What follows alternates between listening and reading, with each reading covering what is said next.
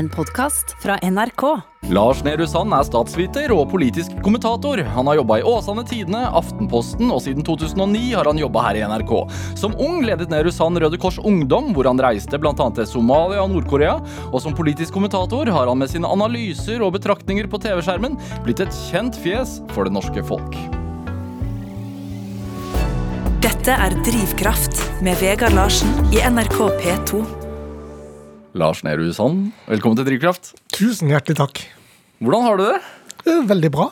Ja. Er, det, er det første dag etter ferien for deg også? Eller er det bare... Nei, det, Jeg jobba litt i forrige uke også, og så ble det jo en litt avbrutt ferie tidvis i, i år. Men, eh, men det er første sånn ordentlig uke, og eh, virkelig sånn følelse av at det, er valghøst, og det, dette blir gøy. Og ja, adrenalin er der det skal være. Avbrutt ferie pga. politiske hendelser, eller? Ja, ja.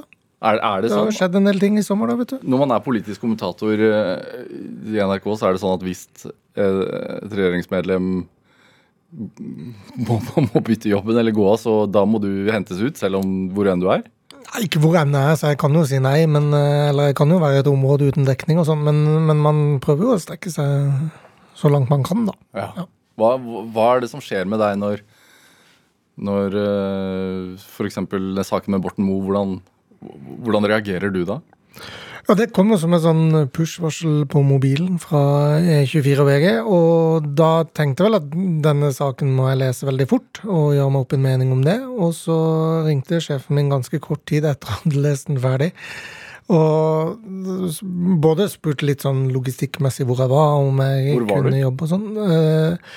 Da var jeg hjemme med huet ned i en sånn duffelbag for å pakke masse klær som jeg og min kjære sønn skulle ha med oss til Hunderfossen eh, om noen få timer. Så jeg sa, som sant var, at jeg kunne, kunne være med i Dagsrevyen, men fra et hotell på Hafjell.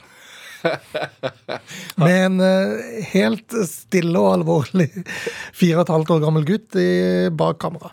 Så det var fint. Ja, Han holdt kamera? Nei, han, han gjorde ikke det, men han sto ved siden av fotografen og så, så veldig alvorstynget ut i stundens uh, alvor, ja. Ja. Er det, hva er det rareste stedet du har måttet rapportere fra? Det tror jeg var en, eh, en strand eh, i eh, oppe i Troms, eh, fordi jeg måtte time denne dagsrevysendingen sånn, eller altså den går når den går, da. Så jeg måtte time min tilstedeværelse ut ifra en ferge og et fly.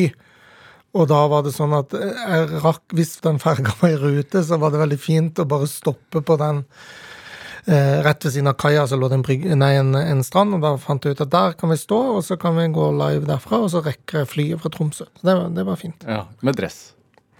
Da var det faktisk med en eh, allværsjakke. Er det det med, det med klærne, Lars Nehru Sand? Mm. Du er eh, velkledd. Jo, takk. Eh, alltid velkledd. Ja, altså på jobb så er det jo en del av jobben, føler jeg, at man skal bli tatt eh, seriøst, og at man skal vise en viss respekt. En ting er for, for seere og, og holdt på å si det TV-programmet, men, men også at, eh, at man oppsøker jo veldig ofte institusjoner eller personer eh, som man også skal ja, vise en, eh, en respekt overfor, hvor det er en viss kleskode eller kutyme, og da, da føler jeg man må, må kle seg etter det. ja. Det, gjør det noe med en, en selv også? Kanskje ikke sånn jeg tenker noe, noe veldig over det, men, men eh, det er klart jeg, jeg forbinder jo dressen mer med at jeg går på jobb enn at jeg skal i 17. mai, holdt jeg på å si. Shorts på jobben?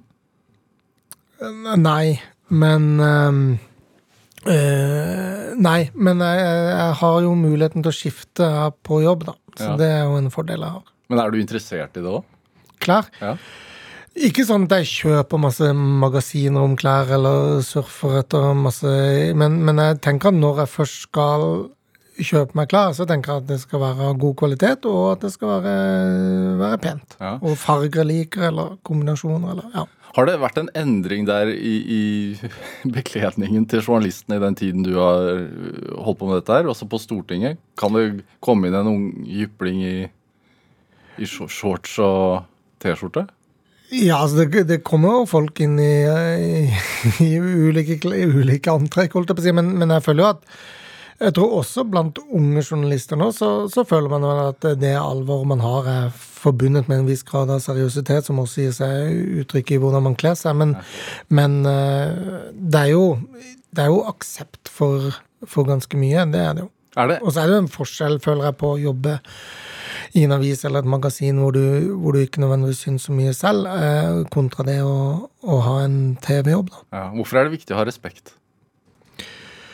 Jeg tror det gir deg en mer tillit, og, og derigjennom også mer informasjon, og, og, at du blir tatt seriøst. Og det tror jeg både jeg som journalist og person, enkeltperson eller eh, enkeltmedarbeider holdt på å tjene på, og så er jeg opptatt av at NRK som, som institusjon også skal, skal, tjene på det. Da. Så er det klart det er veldig masse andre ting enn klærne som, som sikkert altså, Du kan ikke bare kle deg pent og oppføre deg som du vil.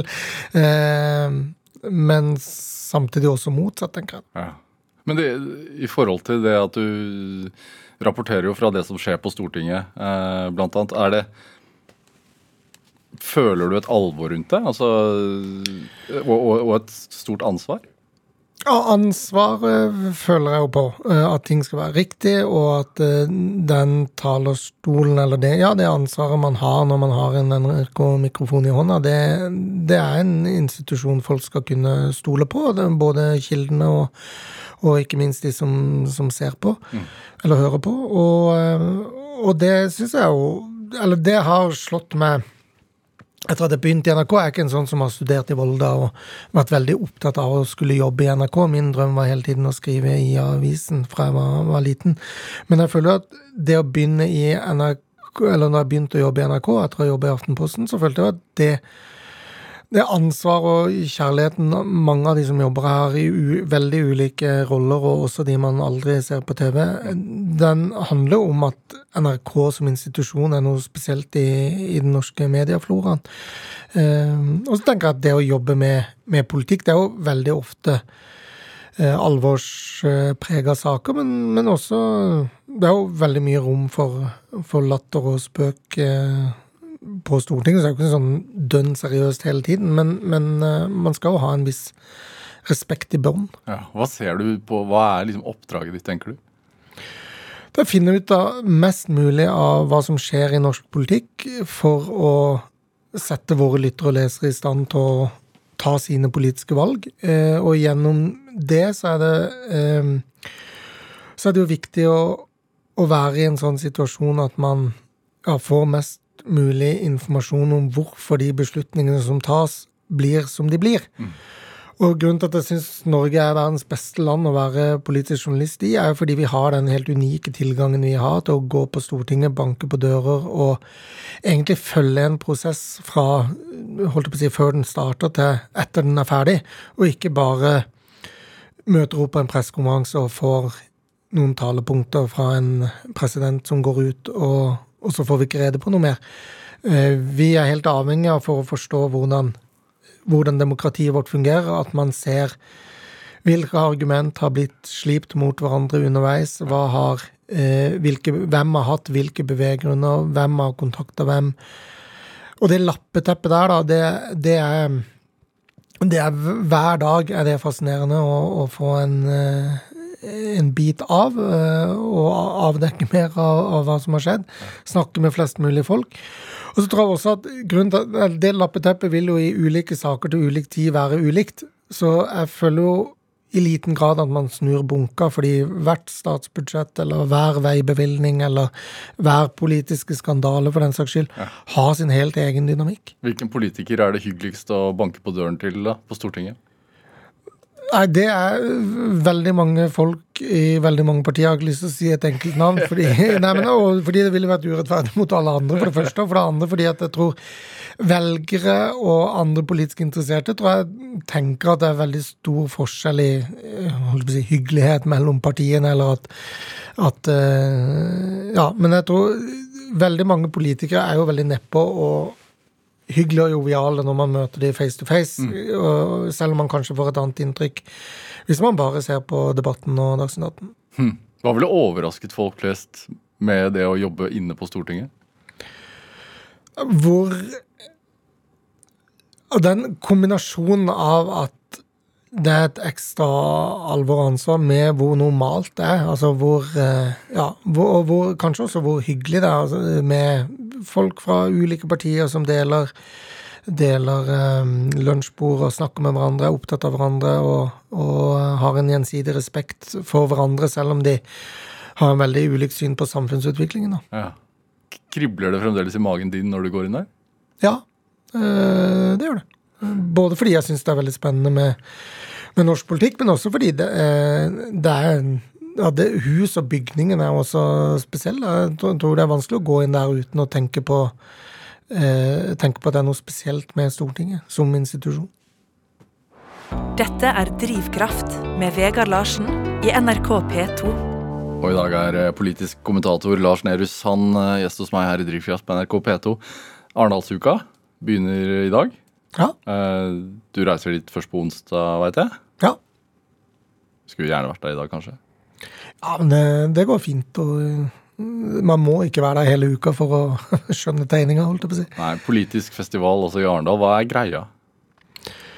Det de har fått til i Arendal, må man jo bare være veldig imponert over. Og det er jo et sted eh, såkalt alle føler man må være, men, men eh, det er jo Selv om det er veldig mye, og det det er jo litt sånn spent på kan dette treet vokse inn i himmelen som det første, men, men eh, det er jo stadig flere eh, utstands og, og arrangementer og alt sånn, men, men, det er jo Og det er ganske mye som handler om det samme og sånn, eh, men i den herlige friheten, da, hvor alle kan gjøre hva de vil, så, så er det jo også et en, en, helt unik mulighet til å få et tverrsnitt av hva norsk samfunnsdebatt er. Og, og, politikk handler om veldig mye mer enn partipolitikk, og det får man virkelig se i Arendal fordi det er så mange interessenter og interesseorganisasjoner. Ja, det er PR-byråer og, og, og, sånn der også, men, men, jeg tror summen av de folkene som er i Arendal, er jo det som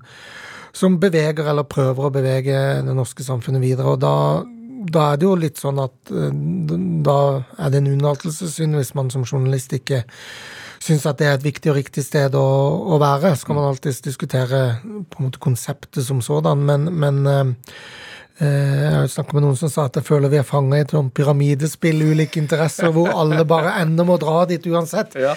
Men Er det ikke litt sånn, da?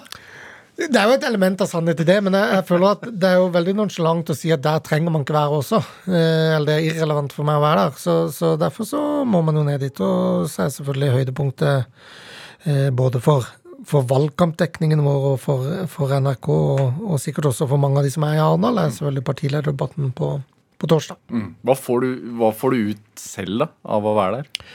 Jeg har snakka med mange folk. Det er jo unektelig mange av de jeg også kunne møtt i Oslo. Men da må jeg jo spørre meg sjøl hvorfor avtalte jeg ikke å møte de i Oslo forrige uke. da, Jeg kunne jo gjort det, men uh, møter jeg de der.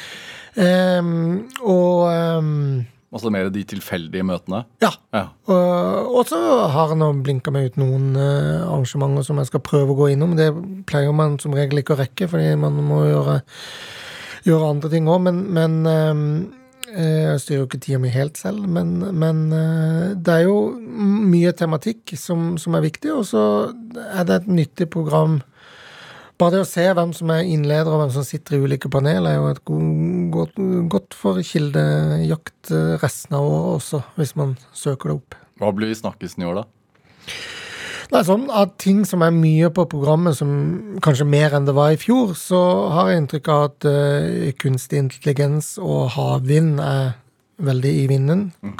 Um, og så er det selvfølgelig valgkampen, tilliten til politikerne og de litt større sakene i, i valgkampen. Det er sikkert mange ulike interessemiljøer i Arendal som er interessert i, i Melkøya-utbyggingen og, mm. og sånn. Så så det er jo Selv om det i år er et kommunevalg, og det er viktig å, å minne oss om det, at det er kommunestyrerepresentanter i hver eneste kommune vi skal velge, og det ene henger ikke nødvendigvis sammen med det andre, så er det jo noen røde tråder i, i en nasjonal eh, valgkamp også. Mm.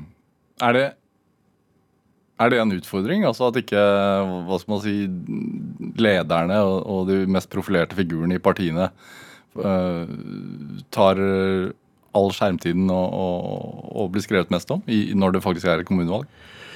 Ja, altså, I NRK har vi veldig mange ulike flater, så det er jo rom for, for veldig mye. Både av mer lokal setting i distriktssendingene våre og, og, de litt større tingene som tross alt må klare å, å være relevant for, eh, for alle. Eh, men det, det, er jo kan si Det er enklere å dekke stortingsvalget, som tross alt er ett valg, hvor selv om det er ulike valgkretser, så stemmer man på en måte til det samme. Mm. Mens, mens kommunevalget er er veldig ulikt, og, og, man skal ha respekt for at det å bevare Kjeller flyplass er en veldig viktig sak i Lillestrøm kommune, men den, det er jo ikke nødvendigvis sånn at i resten av Norge er man, er man, opptatt av det, og så er man opptatt av andre ting i Sigdal eller i Berlevåg som, som er kjempeviktig lokalt. Mm. Um, så som riksjournalist så føler jeg jo det er lettere å ha oversikt når det er en stortingsvalgkamp, men, men det er jo noe med at det lokaldemokratiet er jo det er, så, eh, det er så viktig og nært det livet folk lever, de tjenestene kommunene har ansvar for. Eh, og at det er veldig mange eh, politikere som, som skal velges og, og, utforme det lokalmiljøet i, i, en tid hvor det er ekstremt viktig å være politiker og, og ta gode valg. Mm. Viktigere nå? Ja, jeg tror det tiåret vi er inne i nå, er, er, kanskje noe av det viktigste i vår levetid, fordi det skjer så store omveltninger for Norge som nasjon, både når det kommer til befolkningsutviklingen, aldre, flere eldre. Um, det skjer en endring i norsk økonomi når oljeinntektene går, eh, vil gå nedover, oljeutvinningen vil gå nedover, eh, og at vi skal nå klimamålene våre før 2030. Eh, ja. Og 2030 høres alltid hørtes veldig lenge til ut, men dette er nest siste gang vi går til kommunevalg før de målene skal være nådd. Mm. Det betyr jo at hvis man har ambisjoner om at flere skal ta kollektivtrafikk til jobb, eller at uh, skolebyggene skal ha solceller på taket, eller andre ting, så, så er det ikke mer enn tida av veien for å, for å gjennomføre de veldig store samfunnsprosjektene. Og jeg tenker at det ja, som sagt, det tiåret vi står i nå, må kanskje Norge som nasjon eller land da, endre seg mer enn vi har gjort på de tiårene jeg har levd da, siden, siden 80-tallet og frem til nå. Og vi føler jo at det har vært enorme teknologiske revolusjoner og kommunikasjonsrevolusjoner og masse ting som har skjedd mens jeg har levd. Eh, vi har de tiårene som min mor og min bestemor vokste opp, så har vi liksom utvikla en velferdsstat. Det har skjedd ekstremt mye. Ja. Men allikevel så tror jeg 20- og 30-tallet, i kompleksiteten i det vi må nå eh, Hvis vi får litt strammere økonomi og, og, mer velferdsbehov, og hvis vi samtidig skal nå klimautfordringer, vi skal håndtere en endra bosetning i Norge som gjør at noen steder vil ingen bo, og det er et problem. Andre steder vil veldig mange bo, og det er en utfordring. Eh, så tror jeg at de lokalpolitiske valgene som skal tas de neste eh, neste ti årene, da, det, det, ligner ikke noe av det vi har sett før. Og derfor så syns jeg det er Det er òg en veldig viktig drivkraft å ha den utkikksposten man har som mm. analytiker i, i NRK, eh, uten noe noe binding til, til, noe annet enn de som eier oss, som er hele Norge, det, det er fantastisk. Ja, men Føler du at de, de, tre sakene du peker på der, blir pratet nok om? Ja, De gjør jo det tidvis isolert sett, men jeg tenker at det å se sammenhengen i hva slags samfunnsutvikling vi faktisk må ha, det, det, det er jo Jeg skjønner at ikke det kan være hoveddebatten i debatten hver, hver sending et halvår, men, men det er bare at Burde det være det?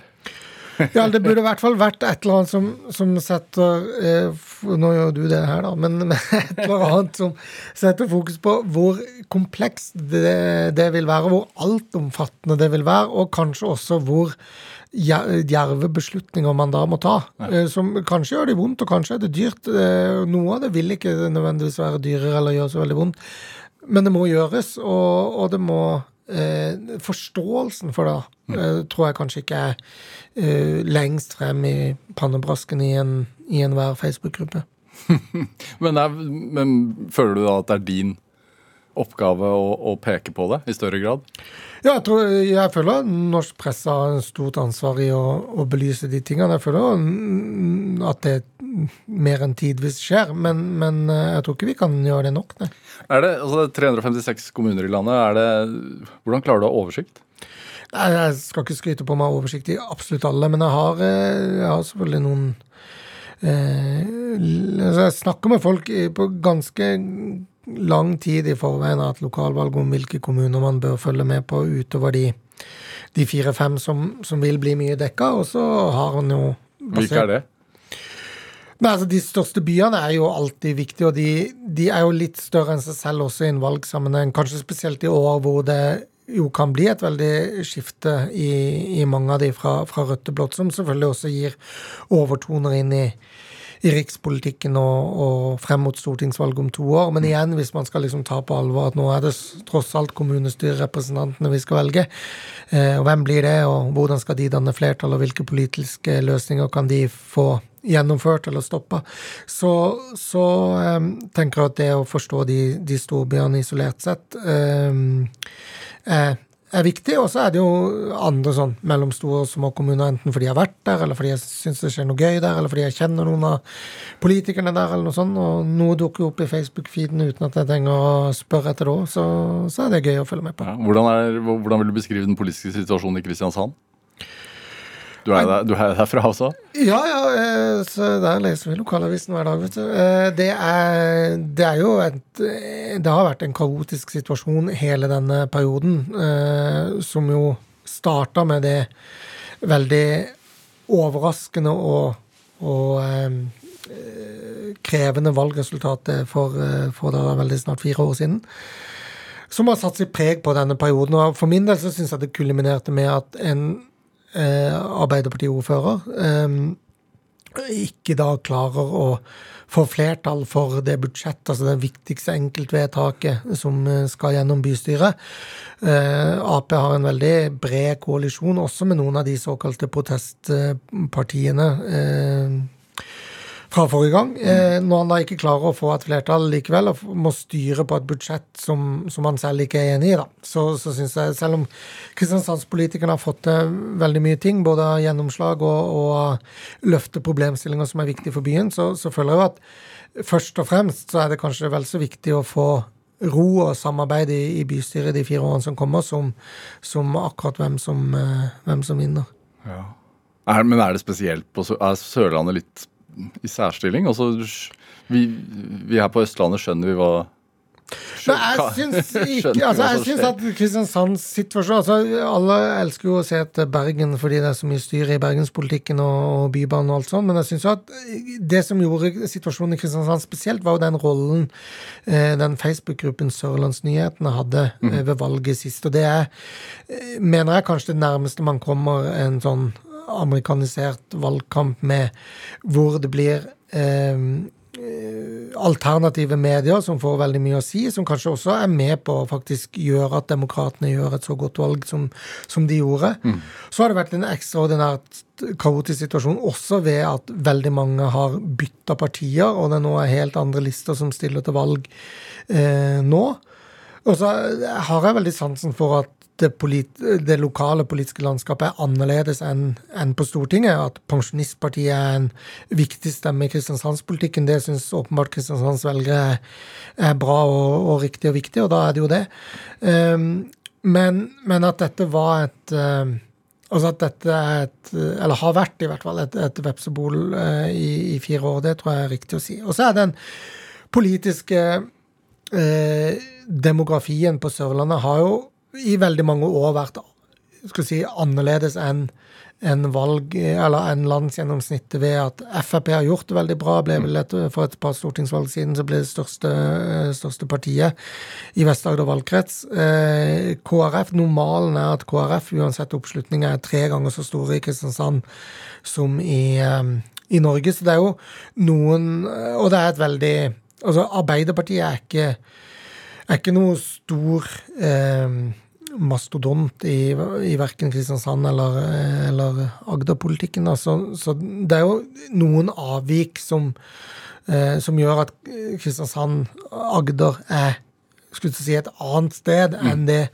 rikspolitiske bildet vi, vi, forholder oss til, og også annerledes enn Nord-Norge, Vestlandet, Innlandet, eh, med sine Eh, med sine politiske historikk og befolkningssammensetning. Da. Ja.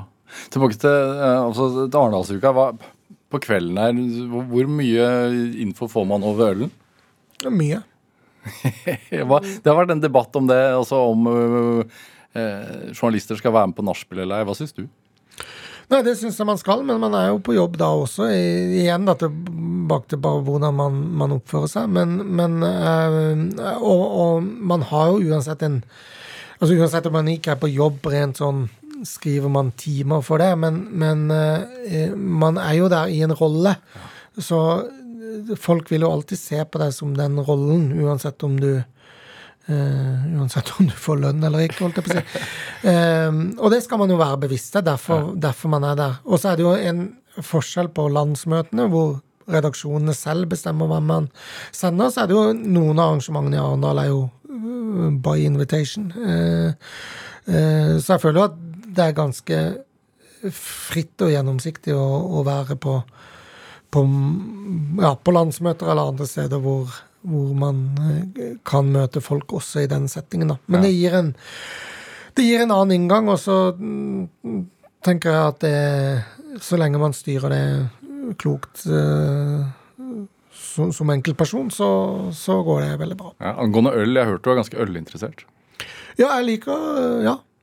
Hva er det også sånn spesialøl? Import? Hva er det hva er ja, altså, jeg, det, jeg liker å drikke ikke bare sånn fatøl og ja. eh, industribrygg, holdt jeg på å si. Så ja, jeg kjøper ofte mikrobryggeri lokalt hvis jeg er på reise, f.eks. Det er veldig viktig. Og så prøver jeg å ja. Selvbrygging? Nei, det driver jeg ikke med. Lars Nilsson, vi skal spille litt musikk. Um, siden vi har vært innom noen av kommunene, så passer det jo bra med nummer fire sin Lite og stort. Hva, hva er grunnen til at du vil høre den?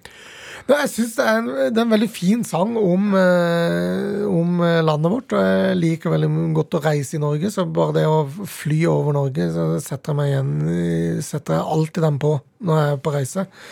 Eh, fordi jeg syns det er en veldig fin sang om, eh, om Norge. Og jeg, jeg er veldig stolt. Jeg hadde overnatta i alle landets det som da var 19 fylker, før jeg ble 25 år, og det er jeg veldig stolt av, fordi jeg tror det å reise mye i Norge eh, og forstå de ulikene, ulikhetene, ulike forutsetningene for hvorfor vi lever der vi lever, og hvilke liv det går an å leve, det, det slutter aldri å fascinere meg. Og ja, Så jeg syns denne sangen setter fint ord på det.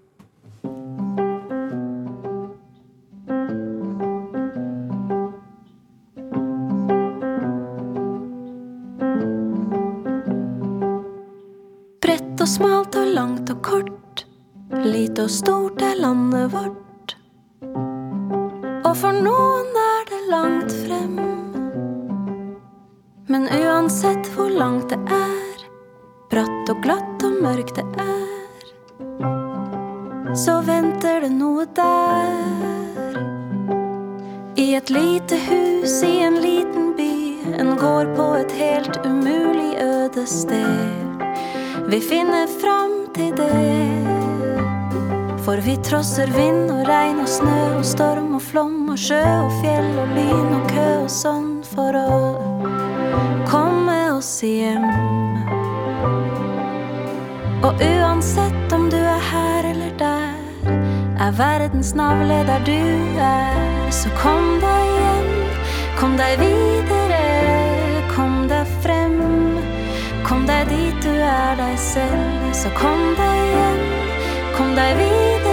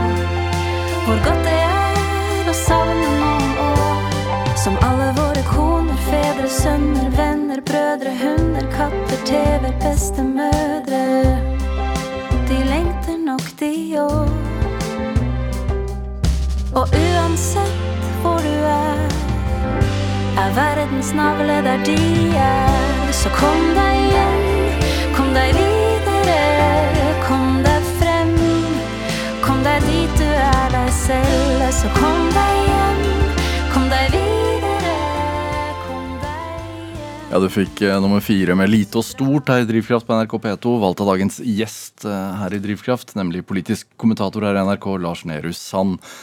Hvor lengter du når du lengter hjem? Det, jeg syns det er en veldig fin twist i denne sangen. her, at det, I begynnelsen så er liksom verdens navle der du er, og så eh, mot slutten så er verdens navle der de du lengter hjem til er. Og det, det er jo veldig sånn det ofte føles å reise. Når du, når du drar ut, så er du veldig spent på det du skal oppleve og sånn, og så når det er liksom på retur, så handler det bare om å komme seg fortest mulig hjem. Da er det til min kjære kone Vilde og eh, sønnen vår Edvard på snart fem år. Er, hvordan, er det, også, hvordan har det endret deg å få barn? Ja, det er mye. Altså logistikkmessig en hel del, selvfølgelig.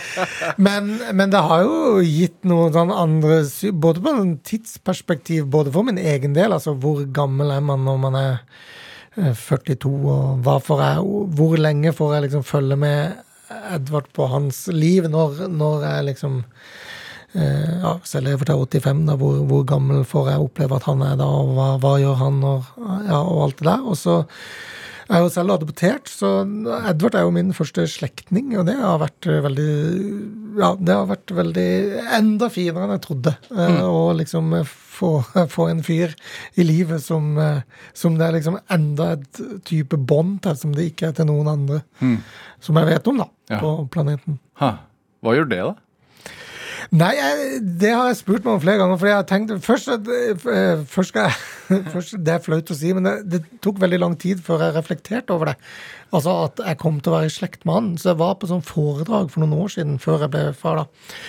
Med en som var adoptert, som sa det i en sånn bisetning eh, at eh, han hadde fått barn, og da hadde han jo sett at han var i slekt med noen, og det hadde vært Og da var jeg litt sånn Oi, Oi, oi, oi! Det er jo kjempegøy! eh, og tenk hvis jeg blir pappa. Og så, eh, når da Edvard viser seg å være en gutt, holdt jeg på å si, så, så har det Det har jo ja, det, det har vært bare en ekstra dimensjon som det er vanskelig å sette ord på, men som har bare vært eh, gledelig og fin, selvfølgelig. Men, men eh, som er veldig ja, stas, rett og slett. Man blir jo kjent med seg selv på en annen måte Ja, når man det- får barn. Og, det, det setter jo ting litt i perspektiv for hva som er viktig og ikke viktig. Det gjør det også. Hva har vært, blitt dine prioriteter?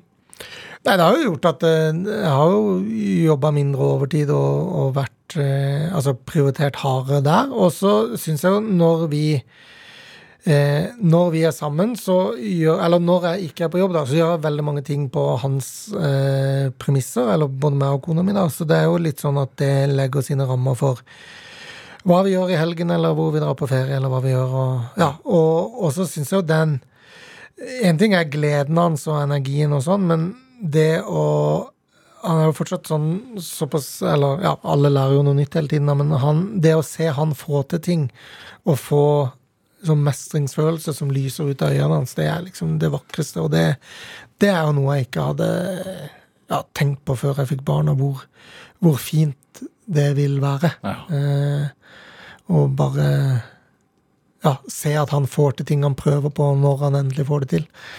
Og du kan jo ikke Altså Normalt så er det jo liksom en sjøl klarer ting og syns at det er gøy, men når du liksom skal stå der som forelder og se at han skal klare å sykle mens han står på sykkelen, og, og han ikke helt klarer det, og det er bare han som kan klare det, og når han da klarer det Nei, det det er fint. Overrasket over hvor myk man blir? Ja, egentlig ikke, for det, det føler jeg nok jeg har vært. Men, men også Men eh, ja, nei, det er jo noe eget med ens egen barn, da. Det, det må jeg si. Og så, ja. Blir man jo kjent med mange folk på en helt ny måte. og Med liksom folk han kjenner, eller eh, Bare det å være i en barnehagegarderobe og gitt meg et eh, innblikk i andre mennesker kaos. Som er, det er veldig trygt og godt og fint å se at det også er eh, kaotisk å være forelder for andre. Så jeg føler barnehagegarderoben som utdanningsinstitusjon for oss foreldre må løftes for lite frem. Er, det, er du bekymret eh, i forhold til fremtiden? Nei, for jeg tror den altså Kombinasjonen av hva slags kraft og kunnskap som er hos mennesker til å ville det bedre, det tenker jeg man aldri må gi slipp på. Og så er jeg jo enig med de som, som nå ser at liksom alt vi trodde på etter eh, murens fall, er gjort til skamme ved, ved invasjonen i, i Ukraina. Eh, og man ser eh, tendenser til mindre globalisering og mye av det man har trodd på i noen tiår nå, da, som, som er på retur. Mm. Eh, men jeg tenker at menneskets evne til å, å absorbere det som skjer, og, og, gjøre det beste ut av det, må vel være det som, som hjelper oss å løse de, de, tingene vi som samfunn skal løse. Og der tror jeg jo at politikken, og kanskje spesielt det nasjonale nivået, da, er, er, veldig viktig i å eh, Det er liksom det beste nivået til å få store konkrete endringer. da. Jeg føler Lokalpolitikken blir jo ofte eh, lokal, og, og, den internasjonale politikken går veldig tregt. Av helt åpenbare og, og, forståelige grunner. Men at det som skjer nasjonalt, det nasjonalstater og, og parlament klarer å få til av, av endring for, for samfunnet, det, det, tror jeg må ja, det tror jeg er veldig viktig. Mm. Du, har, du, har, jo vært politisk interessert uh, hele livet, holdt jeg på å si.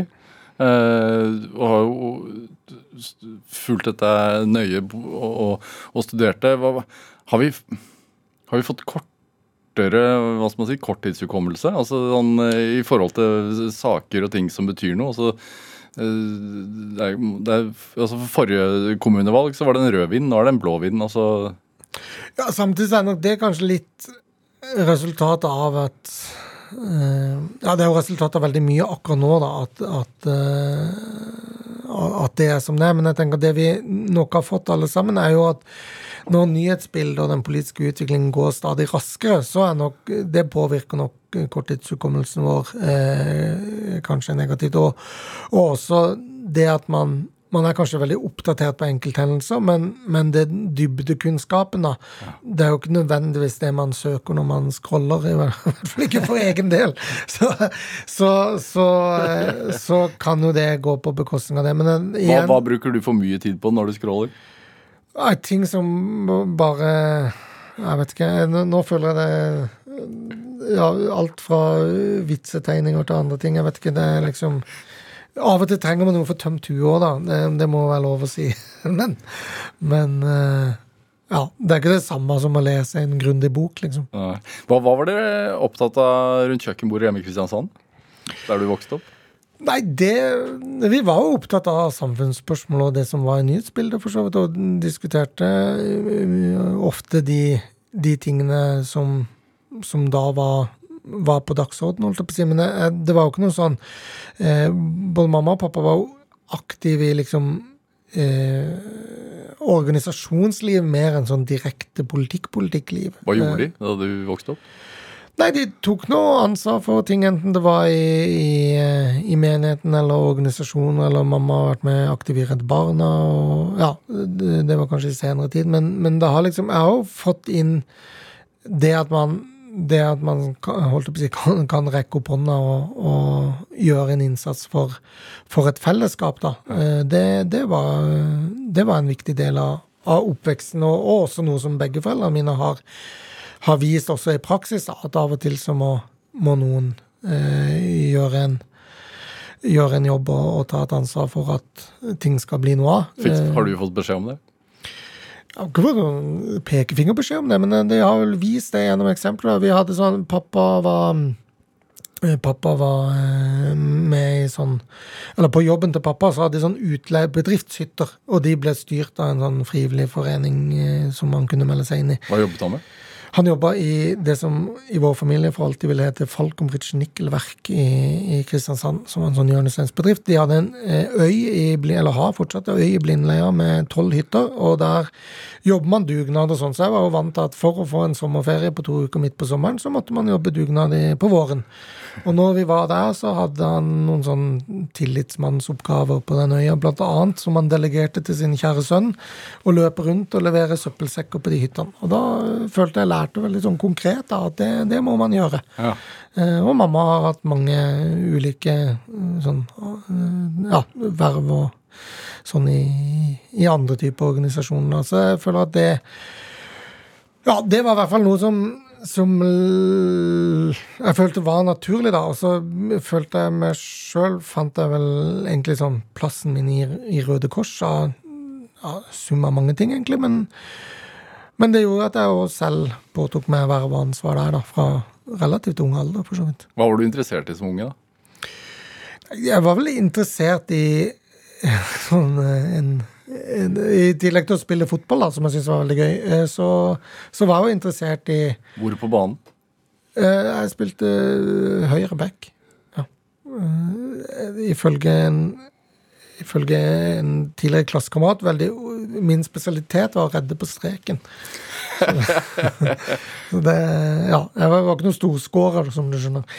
Men eh, Nei, jeg, eh, jeg falt jo aldri noe parti, og det mener jeg til dags dato. At jeg har liksom ikke funnet det partiet som jeg, som jeg kunne vært i nærheten av å melde meg inn i, eller stille til valg for, eller jobbe i, eller noe sånt.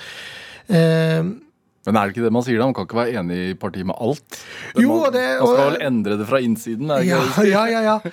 Men eh, jo, men jeg tenker vi må ha nok grunnfundament at du melder deg inn, da. Eh, og det har jeg aldri funnet med noe enkeltparti. Og, og nå har jeg jo blitt godt kjent med alle partiene, så nå vil jeg jo si at det er jo eh, det er jo, Selv om man ikke er enig med alle, så, så er det jo mye bra i, i alle partier. Og det sier alltid til folk jeg treffer på landsmøter og sånn òg, at jeg tror det er mye større likhet mellom de som er på landsmøtet f.eks.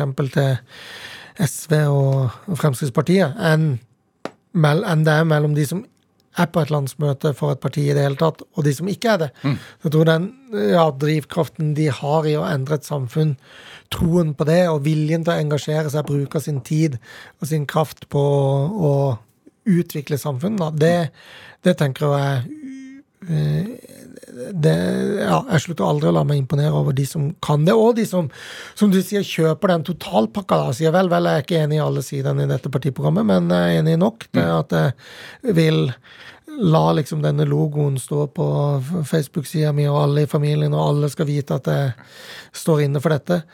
Eh, og personifisere seg med det. At, at folk gjør det, det skal vi andre være glad for, i hvert fall. Men du stemmer. Bestemmer ved valget. Ja. er det Hva ville du bli? Jeg ville bli journalist. Eh, Det bestemte jeg meg for i femte klasse, da vi begynte å skrive stil, og jeg syntes det var veldig gøy med ordfag. Og så var liksom det å være journalist og ja, jobbe i avisen var liksom Jeg jeg husker jeg var i Federlandsvennen, som er lokalavisen i Kristiansand, på på sånn arbeidsuke i Det var sikkert i sjette klasse, det, da. Jeg følte alle som var lure, de valgte jo sånn Kristiansands Bryggeri eller Henning Olsen Is eller Sørlandschips, men jeg ville, jeg ville jobbe i avisen. Ja. Hva lærte du der, da? Jeg lærte jo hvordan en avis ble lagd. Nå er jo det selvfølgelig litt utdatert kunnskap med papiravisen som gikk i trykken på morgenen, og som skoleelever sykla rundt med klokka tre-fire og serverte såkalte ferske nyheter. Men, men eh, jeg fikk jo en, eh, jeg fikk jo en eh, innføring i ja, hvordan, eh, hvordan en redaksjon fungerer og ja. Når hadde du første sak på trykk? Ikke, ikke i femte klasse, antar jeg, men uh... Nei, jeg, skrev, jeg tror jeg skrev en liten notis i, i den arbeidsuka, men uh, ellers så Jeg hadde jo ikke en ordentlig journalistjobb for så vidt før jeg i studietida i Bergen hadde en uh, sommerjobb i bydelsavisen Åsane Tidende. Så da var jeg vel rundt 20, da. ja. Stemmer det at en sløydulykke har mye av grunnen Altså mye av skylden for din politiske interesse? Ja, det skjøt i hvert fall fart, fordi vi hadde sløyd og skulle lage en kniv, og det gjorde jeg selvfølgelig, men når jeg skulle ta øh, Jeg skulle vaske det knivbladet øh, som hadde vært beskytta med noen teipegreier. Så klarte jeg å kutte sen og nerve i den ene fingeren, øh, og arr fortsatt, og da måtte jeg gå med den høyre Nei, venstrehånda, selvfølgelig, i gips eh, når de andre i klassen skulle ha håndarbeid. Og da måtte jeg jo ha noe å gjøre i de dobbelttimene hvor det var sånn sy og strikk og, og sånt. Så da spurte jeg om jeg kunne skrive en stil, og alle tenkte vel bare at det var fint at han hadde noe å gjøre. Og så spurte jeg om jeg kunne skrive om hva jeg ville, så da, dette var i 1994, så da skrev jeg om Norges forhold til EU. Hvor gammel var du da? Ja, da gikk jeg i sjette klasse, da. 11-12 år? Ja, Ja. Liksom. Ja. Hvor, hvorfor har det vært viktig for deg å være Eller har det vært viktig for deg å være flink, eller har det bare vært et, en Nei, del av din personlighet? Nei, da, ja, da, det føles tryggest å svare at det har vært en del av min personlighet. Nei, men ikke, jeg føler ikke det har vært noe sånn veldig strepete. og Jeg er, veldig sånn, jeg er jo ekstremt selektiv til hva jeg flink Eller hva jeg går en ekstra mil for, holdt jeg på å si. Ja. og jeg, eh, det var fag jeg fikk dårlig karakter i fordi jeg ikke gadd, liksom. Eh, så, så jeg er ikke noe sånn som har sex i alle fag. Men hva var det med altså, Hva lærte du om EU og norsk politikk da, som elleveåring? Nei, det, alle snakker om dette EU-greiene, så jeg måtte jo forstå hva det var for noe. Så jeg lærte jo om eh, Ja, jeg lærte Det var i, god NRK-tradisjon en stil uten veldig sterke føringer og partisk konklusjon, men eh, jeg følte jeg lærte om hva som var viktig for norske bønder og fiskere, og de som ville ha oss inn i EU, og de som ikke ville, og ja, argumentasjon. Det å, det å vokse opp i et hjem eh, som også eh, er en del av en menighet, hvordan er det?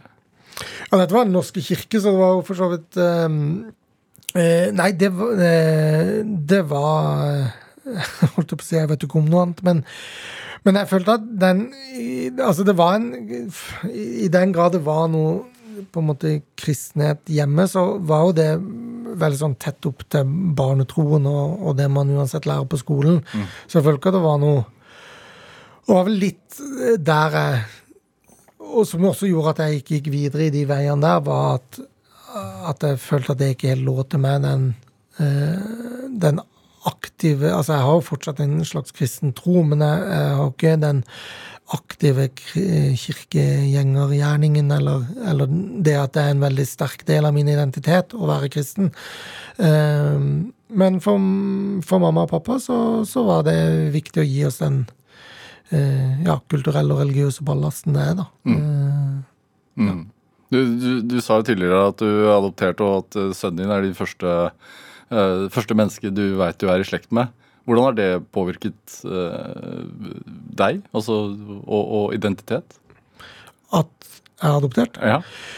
Ja, først og fremst at jeg eh, ja, Først og fremst at jeg er veldig Altså, jeg har aldri vært opptatt av å finne mine røtter eller noe sånt, men jeg har vært veldig eh, opptatt av å, å på en måte være takknemlig for at noen har tatt et valg, sannsynligvis for mitt eget beste, eh, og, og være på en måte takknemlig for det.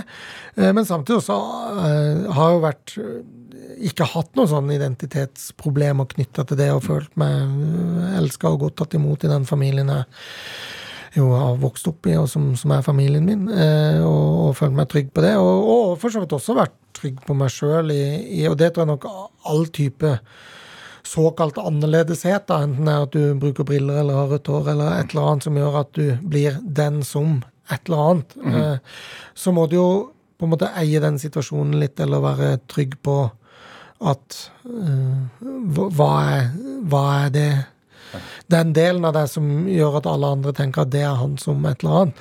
Uh, og for meg så det å være han som er brun, eller han som har vært adoptert, har ikke vært noe uh, Det har ikke vært forbundet med noe usikkerhet, da, og da føler jeg jo jeg er heldig som Og heller ikke kan være dømmende overfor de som, som har et, et større, større utfordring med en sånn ballast, da. Mm. Er det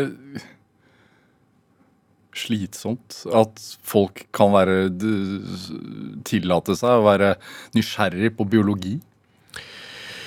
Nei, jeg syns ikke det. For jeg opplever at de fleste spør av ren oppriktig nysgjerrighet, og jeg tenker at det, det er ikke noe farlig å svare på det. Også- og det har jo vært eh, også ledesnora til, til mamma og pappa, at man har alltid Man har snakka mye om det, og det har vært lov å spørre om alt, og noe får man svar på, og noe fins ikke svar på. Og det, sånn vil jo det være, og, og da er jo nøkkelen å kunne forsone seg med det, da. Ja. Det, um, det, det må være vanskelig hvis man ikke klarer det, tenker jeg. Og så har det gått, gått greit. For Ja. Hva, det med politisk interesse. Fra en, en eh, stil i femte klasse til å da studere det og bli statsviter og gå den veien og bli politisk kommentator og analyst, holdt jeg på å si. Hva, hva, hvorfor er det spennende? Fordi det handler om, eh, om hvordan samfunnet utvikler seg. Jeg synes Det er jo det fine med et samfunn, hvordan det alle, alles liv er vevd inn i hverandre til en større enhet, liksom. Det, eh, ja, det syns jeg er fint. Og så er det jo vi Når vi diskuterer hvem skal få penger, hvem skal ikke få penger, hvorfor skal det være lov, hvorfor skal det ikke være lov, så handler jo det om, om den ja, troen på, på, hva som er det beste for, for det større, da. Og, og, at de argumentene møtes og slipes mot hverandre, det syns jeg ja, jeg synes det er kjempegøy. Ja. Tiden din i Røde Kors, hva lærte du der, da? Der lærte jeg alt jeg kan om organisasjonsarbeid, og det er jo igjen sånn et godt eksempel på at uh, politikk er, ikke bare partipolitikk, og det er veldig mye av det som uh, Viktigheten av ulike interne forhold, og hvordan dynamikk kan være i en i en organisasjon, eller enten og også drevet av frivillighet. Eh, enten det er et parti eller det er en, en, sånn type organisasjon, så lærte jeg ekstremt mye av det. Dynamikker og maktstrukturer. Formell makt, uformell makt. Alt jeg kan om sånne ting, eh, lærte jeg der, og er ekstremt takknemlig for det. Eh, og så var det jo et blikk på altså Hovedjobben min var å lage en ny, eller fornye ungdomsorganisasjonen til, til Norges Røde Kors. Og det var en veldig stor grad av endrings...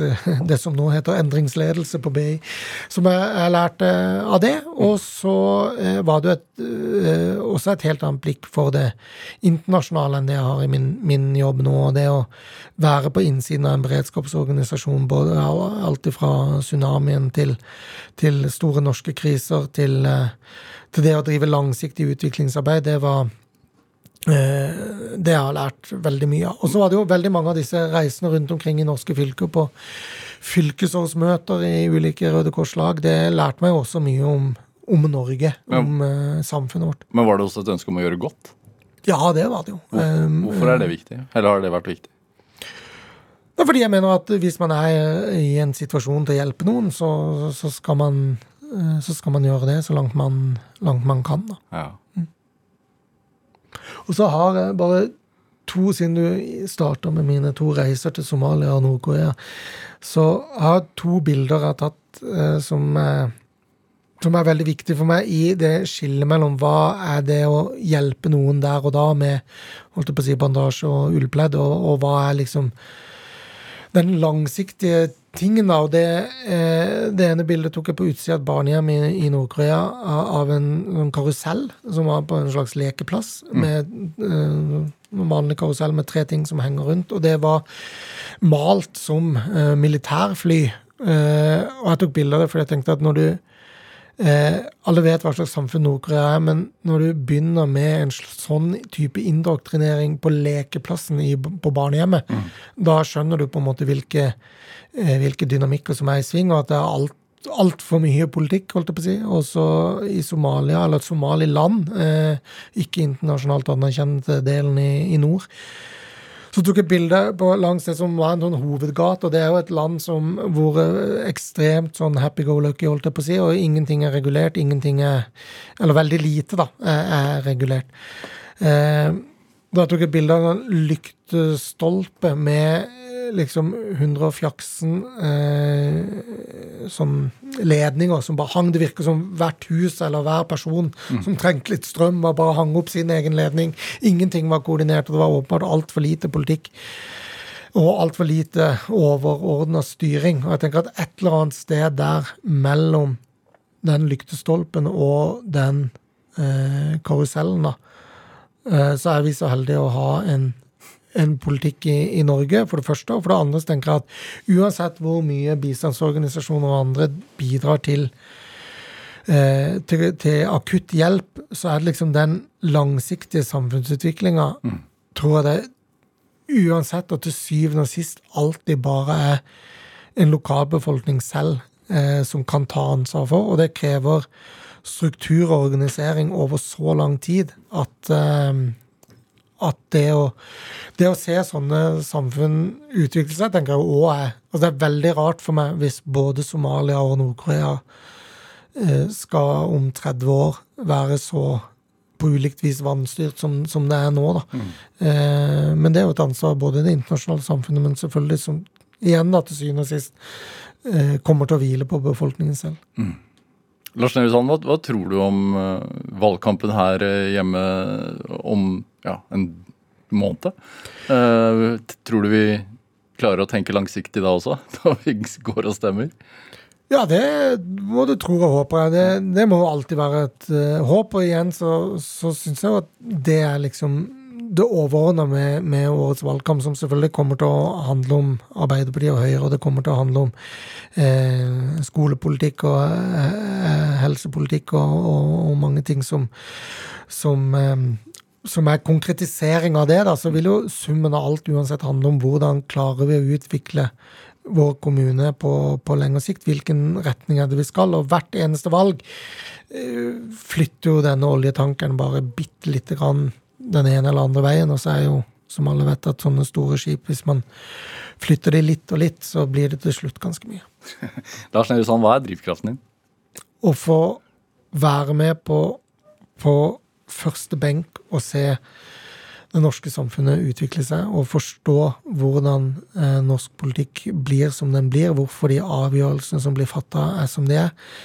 Og så har jeg Ja, jeg er ekstremt spent på eh, de neste ti årene i Norge, fordi jeg tror veldig mye må skje. Både når det handler om demografi, økonomi og, eh, og også eh, klimautslippene våre.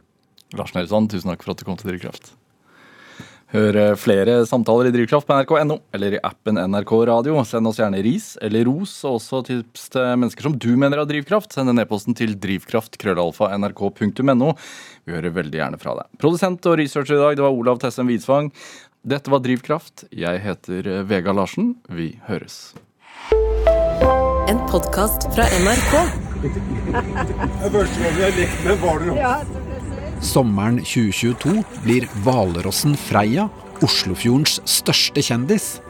På 600 kilo. Det er underholdning, vet du. Alle vil ha en selfie med Freia. Freia sprer glede, men er et rovdyr langt hjemmefra. Det var for mange farlige situasjoner. Herregud. Kom deg opp! Hva gjør du, bro? Freya, Oslofjordens number one queen. Hvalrossen Freia hører du bare i appen NRK Radio.